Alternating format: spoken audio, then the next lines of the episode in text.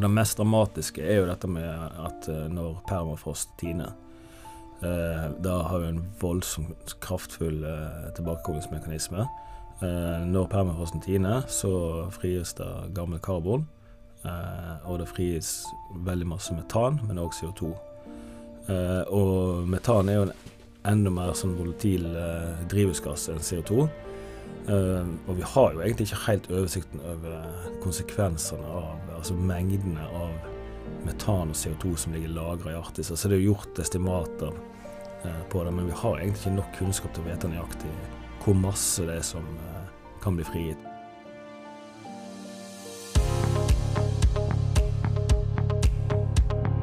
Hei og velkommen til Geologisk rapport. Dette er podkasten for deg som er litt nysgjerrig på geologi, og som vil lære litt mer om geologiens rolle i samfunnet vårt. Jeg heter Andreas Viken, og jeg er geolog. Og I hver episode så skal jeg snakke med en annen geoviter om et geofaglig tema, samtidig som du skal få bli bedre kjent med personen jeg snakker med. Og ukens gjest det er Jostein Bakke.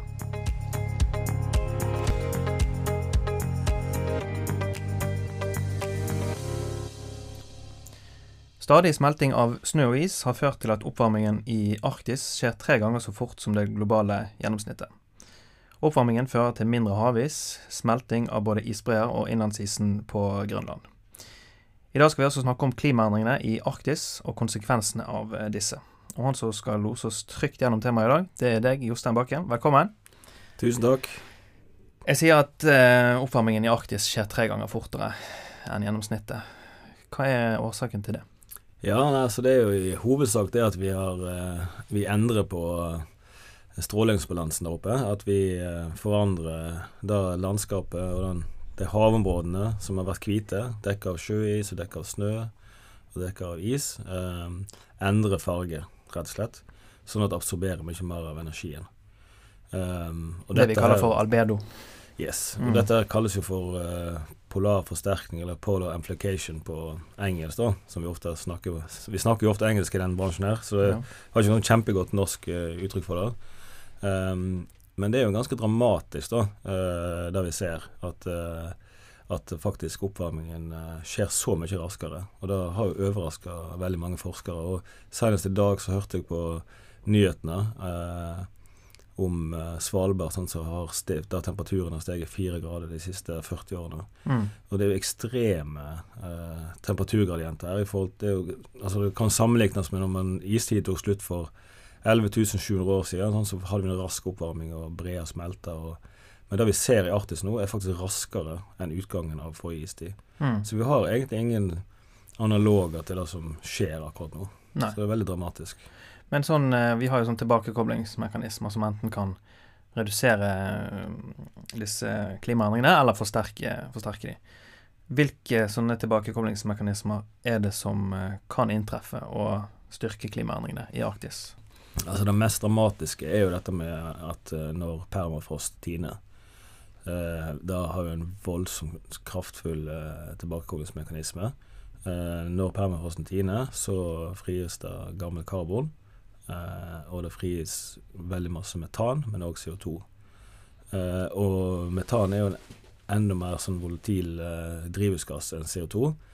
og vi har jo egentlig ikke helt oversikten over konsekvensene av Altså mengdene av metan og CO2 som ligger lagra i Arktis. Altså det er jo gjort estimater på det, men vi har egentlig ikke nok kunnskap til å vite nøyaktig hvor masse det er som kan bli frigitt. Og dette er jo plantemateriale som er lagt der i hundretusenvis av år, millioner av år, som da nå eh, kanskje er i ferd med å eh, dekomposere. Sant? Når isen smelter, så begynner det å råtne. Mm. Og så får du nedbrytingen, og så blir det omgjort til gasser. Men det har vel vært en teori tidligere at uh, metangass har påvirket klimaet. Var ikke det en, en sånn her termal maksimum for 50 millioner år siden? Jo da, absolutt. Det er, det er, ingen tvil om at det er en veldig, veldig Altså, det er ikke noe nytt. Men det, det som er det som er usikkerheten, er jo selvfølgelig hvor masse uh, utslipp vi får mm. uh, når klimaet endrer seg. Så det er jo en veldig viktig tilbakekoblingsmekanisme. Ja. Så andre veien, da, hvis vi på et eller annet vis klarer å, å få tilbake snø- og isdekke i Arktis, så vil det jo da kunne bidra til å reversere oppvarmingen. Da. Men det er jo veldig lite sannsynlig at det skal skje. Men eh, nå sa jeg 50 millioner år siden så hadde vi et sånt termalmaksimum, sant. Eh, og etter det, frem til i dag, så har vi på en måte hatt en på en måte en gradvis nedkjøling, da, som har gjort at vi har fått et kaldt klima i Arktis Mm. og et fullstendig isdekke hele året. Hva, hva, hvilke prosesser er det som har gjort at Arktis har et kaldt klima? Altså, vi snakker jo ofte om eh, tre årsaker til klimaendringer. Sant? Og Det ene det er tektoniske forhold.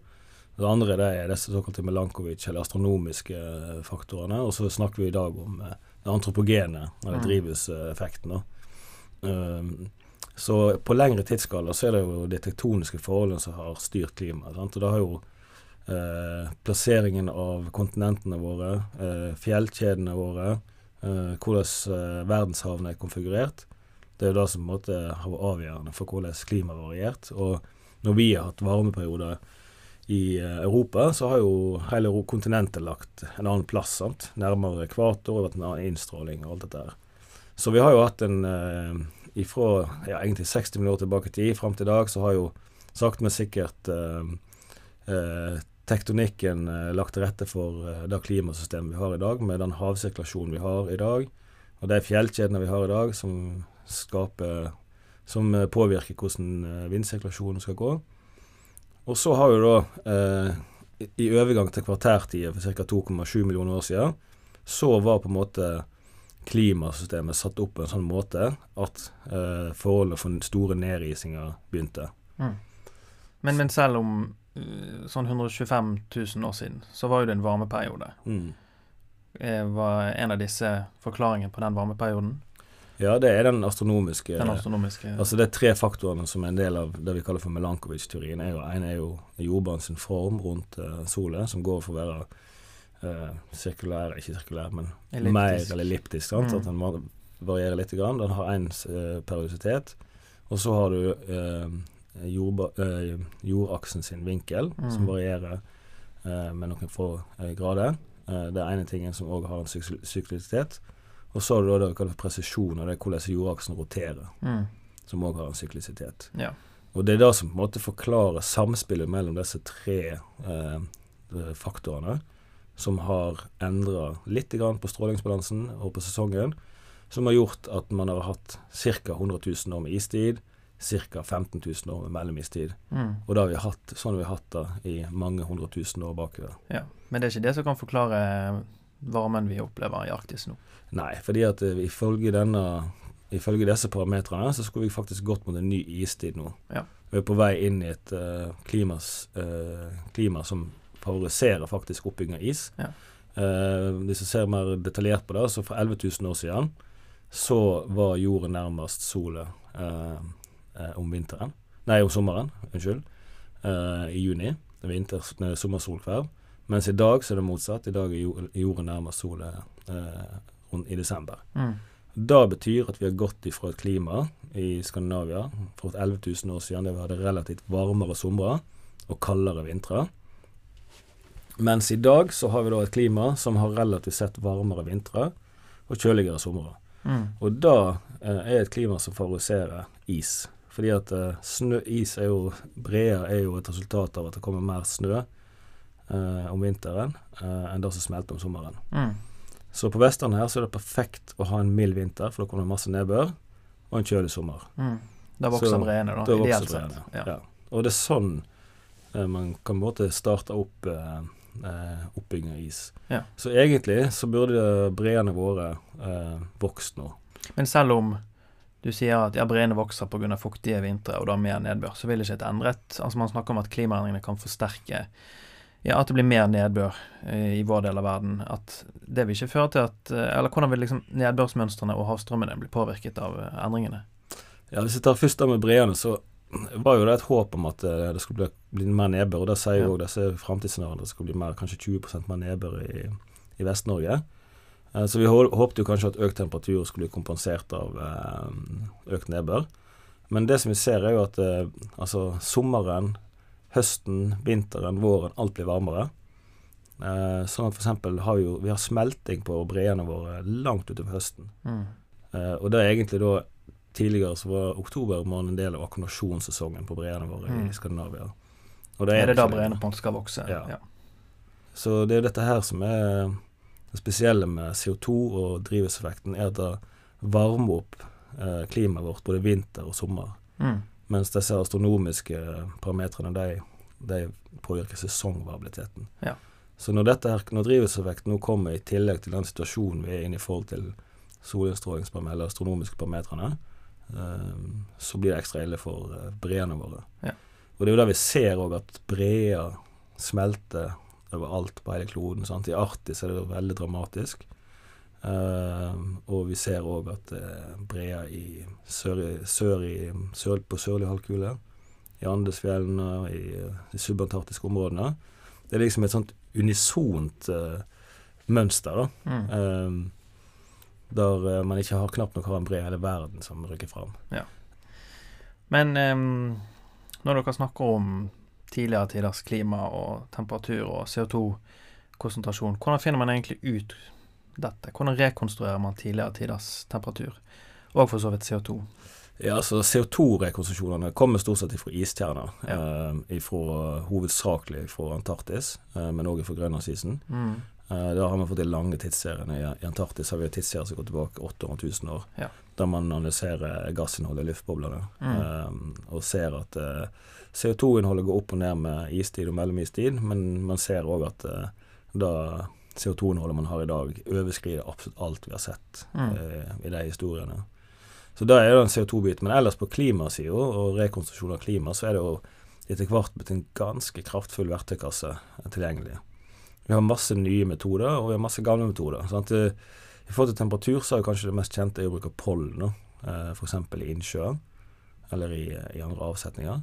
Og rekonstruere polleninnholdet, og bruke det til å si noe om hvordan eh, klimaet vårt tilbake i tid. Ja, så hvis det var mye pollen, så er det Ja, ikke bare mye pollen, men også hvilken type pollen det er, altså hvilken type vegetasjon man hadde Ja. eh, tidligere, kan brukes til å si noe om eh, temperaturen. Mm. Og det er jo da hovedsak sommertemperatur vi snakker om, for at de fleste, mesteparten av vegetasjonen er jo koblet til sommersesongen. Ja. Men det som er utfordringen for oss, er jo å finne noen gode eh, indikasjoner på nedbørsendringer, og ikke minst hvordan vinterklimaet har variert. Mm. Det er krevende. Så det har vi gjort masse på her i Bergen, for vi har jobba med bredrekonstruksjoner. Og det som er saken, er at hvis du har en bredere konsesjon, og du har en sommertemperatur, så er det sånn at det er et gitt forhold mellom sommertemperatur og vinternedbør. Så hvis du har da den ene eh, faktoren her, så kan du regne ut den, tre- den tredje. Mm. Så det har jo vi jobba med og gjort en del arbeid på. Eh, og bruker altså breer kombinert med pollenbaserte temperaturrekonstruksjoner eh, for å regne ut vinternedbørsestimatet. Mm.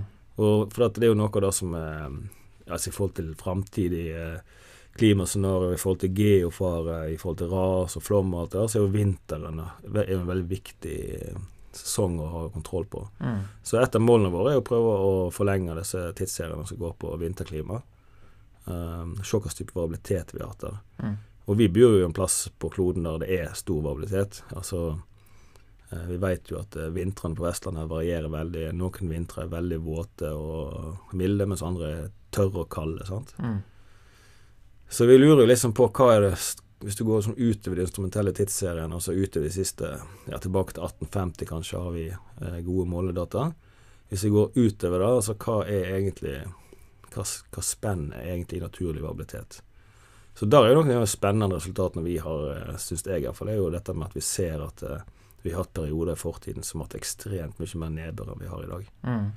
Og det er jo noe av bekymringen sant? hvis disse naturlige svingningene da eh, slår ut sammen med effekten av global oppvarming. Og da kan jo endringene òg skje mye raskere enn det som eh, f.eks. klimamodellene kan predikere. Mm. Men ja, vi kan jo gå litt på sånn generelt, globalt sett. Konsekvensen av oppvarmingen av Arktis. Mm. Hvordan eh, vil det liksom spille ut globalt? Ja, så det er jo noen altså, åpenbare konsekvensen av det er jo at uh, veldig masse breer smelter. Mm. Og det vil jo føre til uh, økt globalt havnivå. Uh, det er ikke helt store tallene som kommer ut av at alle småbreene smelter. Eh, men det er noen centimeter der òg. Men det store er jo selvfølgelig hvis det, de større isdekkene blir ustabile. Eh, sånn som Grønlandsisen og Vest-Antarktis og, som for eksempel. Da. Eh, og det er et stykke fram, men vi ser jo en veldig akselerert uh, smelting på Grønlandsisen f.eks. Uh, som er dramatisk. Og så foregår veldig masse forskning nå på å finne ut hva det betyr f.eks. at nedbørsmønstrene endrer seg. Uh, deler av grønlandsisen får jo mye mer snø nå enn det gjorde tidligere. Og det regner mer på grønlandsisen. Hva betyr det for uh, hvordan uh, eh, isbevegelsen f.eks. er? Så det er, jo, eh, det er jo veldig spennende og dramatisk forskning. Men hvordan ser du på fremtiden da, Jostein?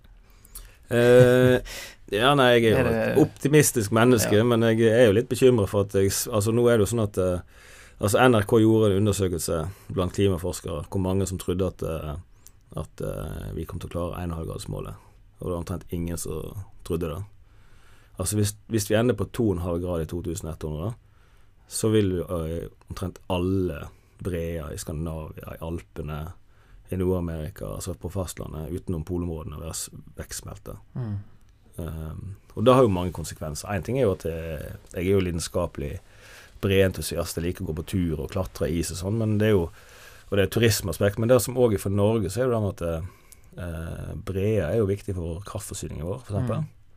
Uh, uten at vi har uh, smeltevann, så vil uh, ja, det er ca. 20% av vannkraften i Norge er kobla til et dreneringsfelt med, med bre. da. Mm.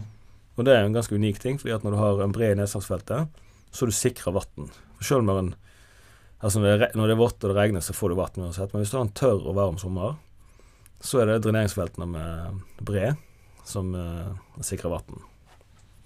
Så det er jo en, eh, en konsekvens vi må tenke på. Og så er jo det mer sånn systembiten av det. Hvis du tar vekk alle breene uh, Fjordsirkulasjonen vår på Vestlandet her er jo veldig avhengig av ferskvannstilstrømning. Fjords- Fjordsirkulasjonen er egentlig drevet av ferskvannet som strømmer ut av fjorden, og så drar det inn uh, kystvann. Um, og hva skjer hvis plutselig eh, du ikke har den avrenningen av ferskvann gjennom sommeren som du får fra breer i Sognefjorden og i Hardangerfjorden? Så på den sida der så er jeg ganske bekymra egentlig for eh, Jeg tror vi må eh, Vi må jo eh, være forberedt på eh, store endringer, rett og slett. Og så er det jo dette med geofare, sånn generelt dette med flom og ras, som òg eh, kobler til, til disse problemstillingene. Og i en sånn overgangsfase, når breer smelter, så er jo det potensielt farlig. Fordi at eh, breer som endrer seg raskt, de kan f.eks. demme opp vann. Eh, og vann har høyere tetthet enn is.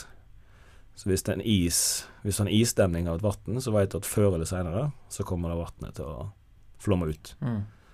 Eh, og da har vi jo sett f.eks. fra Island, når du har vulkanutbrudd under, under Vatnajökull, så Mm. skjer det liksom veldig raskt. Um, så det er en bekymring da som vi er nødt til å følge med på. Eh, men altså, vi har jo teknologi. Vi kan jo bruke satellittvåking, og vi kan lage tunneler og alt sånt. Men en del sånne ting tror jeg vi må være forberedt på at vi må kanskje bruke mer ressurser på i framtida.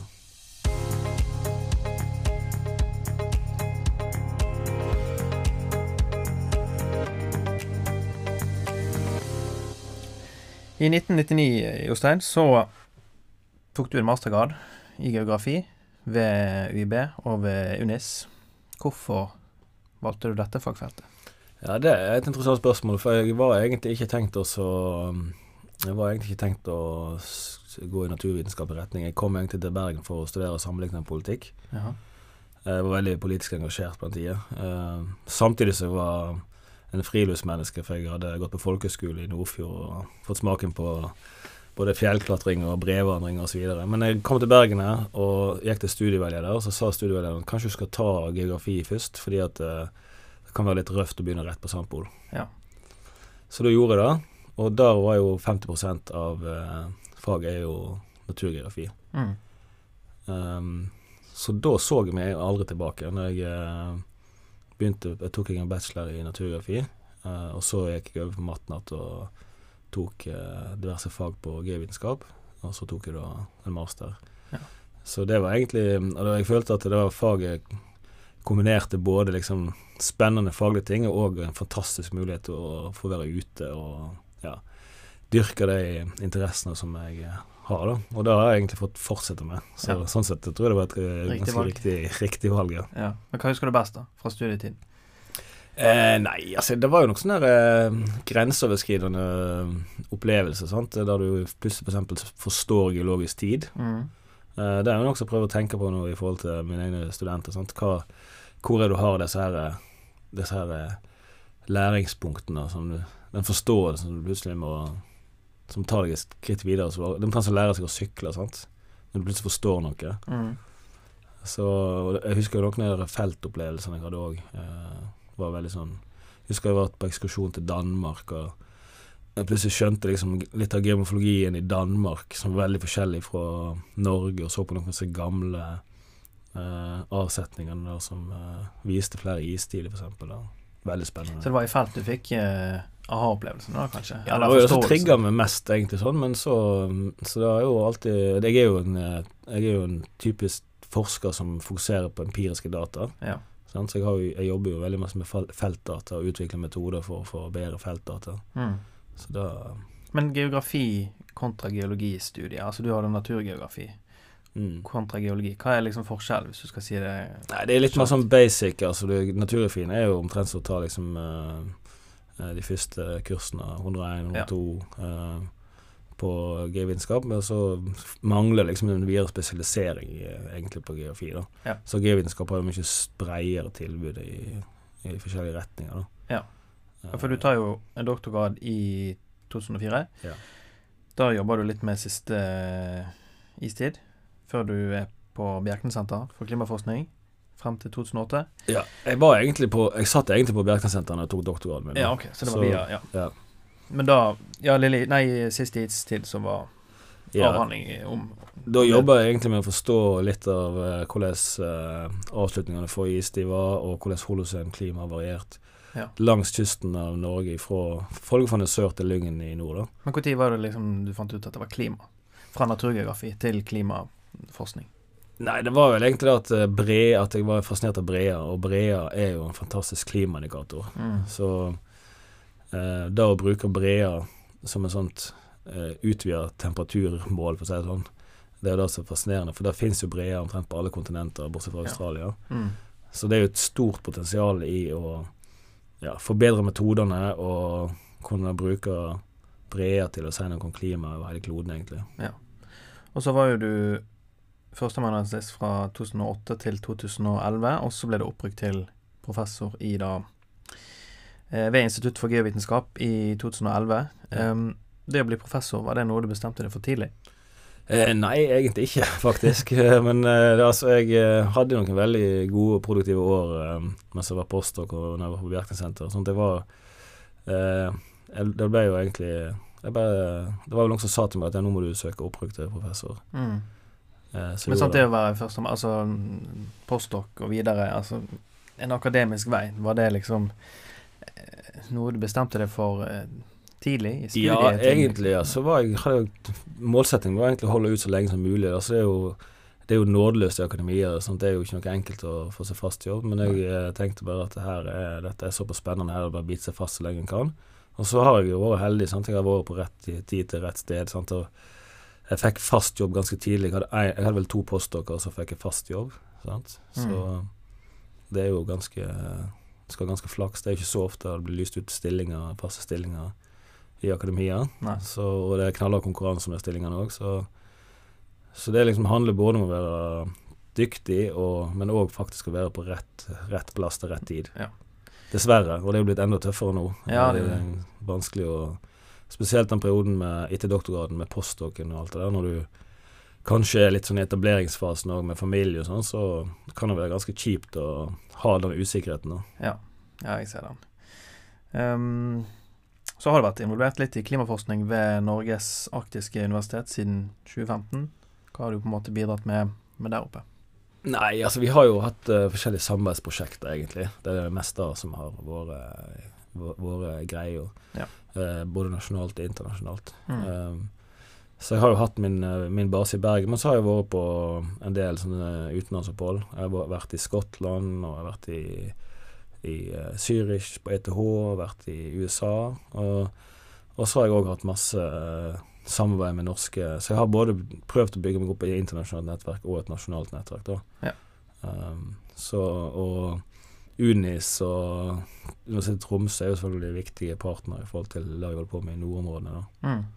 Så Og så er du veileder for masse studenter og ja, studenter Ja. generelt. Hva Ja. slags veileder er du, da? Eh, Nei, altså jeg, eh, filosofien min er egentlig at jeg lar, lar de få lov å eh, og duk, dukker ned på frihånd så lenge som mulig. Ja. Um, så jeg prøver liksom å gi dem frihet. Mm. Um, og for noen så er jo det, funker det veldig fint, for andre så syns jeg kanskje er litt uh, strevsomt. Ja. Men så må jeg jo på et eller annet tidspunkt uh, hente det inn igjen, da. Ja. Uh, og da varierer det litt hvor tid det må skje. Det, noen trenger aldri hente inn igjen, de klarer seg helt fint. Men, uh, men du skal jo levere en master, du skal jo levere en doktorgrad. Ja. Så på et eller annet tidspunkt så må vi på en måte må, ja. realitetsorienteres. Men eh, ja, så det er egentlig det som er filosofien, at jeg ønsker egentlig at uh, studentene sjøl skal finne litt sin egen vei Ja. uh, i det de holder på med. Og så er det jo noe som jeg uh, opplevde da jeg var student, er jo da at uh, motivasjon er Altså din, din egen motivasjon er vanvittig viktig. Mm. Så da å finne fram til prosjekter og løsninger på prosjekter som eh, fenger den enkelte, er jo veldig viktig. Ja. For uten motivasjon så, så blir det veldig tungt å studere. Ja, det er helt klart. Ehm, og så i 2018, så um, for de som uh, vil gå inn på NRK nett-TV, så var det et program som het Uro med Leo Ajkic, der han ville se klimaendringene med egne øyne. Um, og så spør han deg om det finnes håp, og dette var vi litt inne på i sted, da, men finnes det, finnes det håp? Ja, det finnes jo håp, absolutt. Og Hva er det man på en måte skal vi, altså, vi må jo Vi må jo rett og slett innse at vi er nødt til å komme til et nullutslippssamfunn. mm.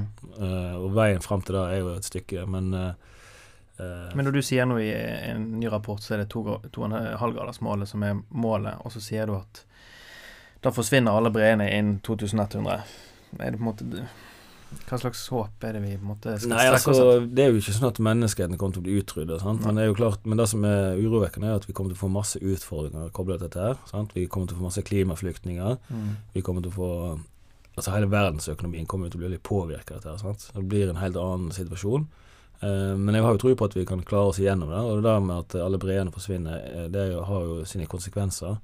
Men det er jo liksom ikke sånn direkte eh, livstruende. Så jeg tenker jo at det er viktig å fortelle dette her til folk og drive med formidling av problemstillingene her. Og at det faktisk er noe vi kan gjøre med det. Vi kan altså gjøre det vi kan for å redusere våre egne CO2-utslipp. Og på sikt så vil det eh, forhåpentligvis stabilisere seg. Mm. Men CO2 er jo noe Det forsvinner jo ikke i morgen. Om vi, om vi slutter å slippe ut CO2 i dag, så er det ikke det vekk i morgen. Så, det sånn. så det er jo noe Det er noe vi er nødt til å forholde oss til i, la, i generasjoner framover, uansett hva vi gjør da.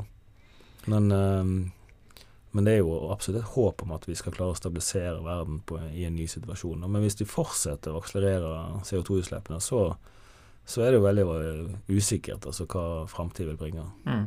Men du som er klimaforsker, når du da skal inn til en bre, og så ser du at han har trukket seg eh, mye tilbake fra året før, er det, er det demotiverende? Eller er det Ja, Altså- det, jeg, synes, jo- jeg, et, jeg er jo født og oppvokst i Jondal i Hardanger, rett Ja. under Folgefondet. Sant? Jeg har jo et personlig forhold til det. Jeg har jo gått der Ja. som eh, Jeg var jo brefører der ifra på 90-tallet og til til jeg begynte på doktorgraden min. Og sånn har jeg jo liksom sett med egne øyne de vanvittige endringene som var Mm. der inne. Og det syns jeg er litt deprimerende, rett og slett. Ja.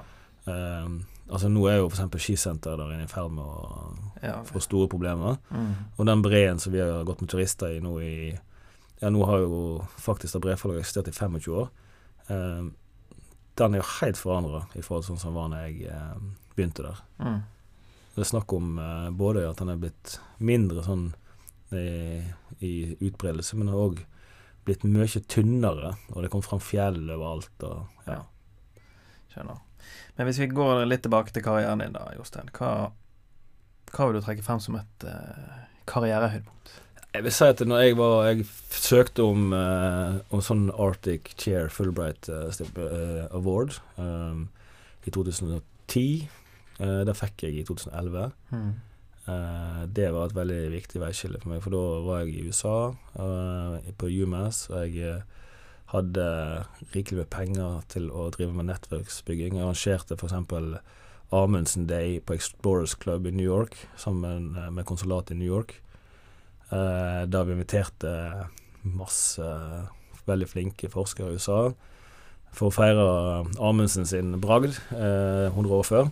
Så eh, det, nett, det nettverket som jeg eh, klarte å opparbeide meg da, eh, har jeg tatt med meg videre. Mm. Jeg var senest på Grønland i sommer eh, med noen av de folkene som jeg kobla meg på da. Eh, så det var liksom Da skjøt det liksom fart for meg, for da fikk jeg liksom et stort nettverk av veldig flinke amerikanske forskere. Og så har jeg jo seinere utvida med andre europeiske forskere. Jeg har masse sammen med franske forskere nå, i forbindelse med arbeidet vi holder på med nede i sør i Indiahavet. Men eh, jeg tror kanskje det viktigste var den der eh, Og den anerkjennelsen òg, det å få et sånt eh, Fulbright, Fulbright Award. Det, Mm. I Norge så er ikke det så stort, men i USA er det kjempestort. Mm. Så det Det gir viktig. motivasjon. Og, Ja. ja.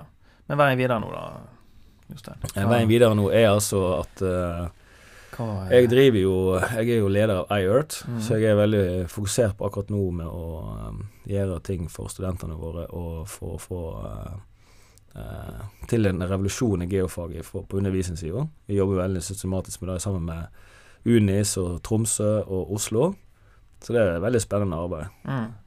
Eh, og sånn forskningsmessig så har jeg flere prosjekter nå som eh, både i Norge som går på å forstå hva som skjer når breene våre smelter, men så holder jeg òg på med prosjekter på Grønland og på Svalbard. Og så har vi et veldig spennende prosjekt på gående på Kerguelen i Sørishavet, Mm. som, eh, der vi skal bruke breer til å rekonstruere styrken på vestøyensbeltet gjennom tid. Mm.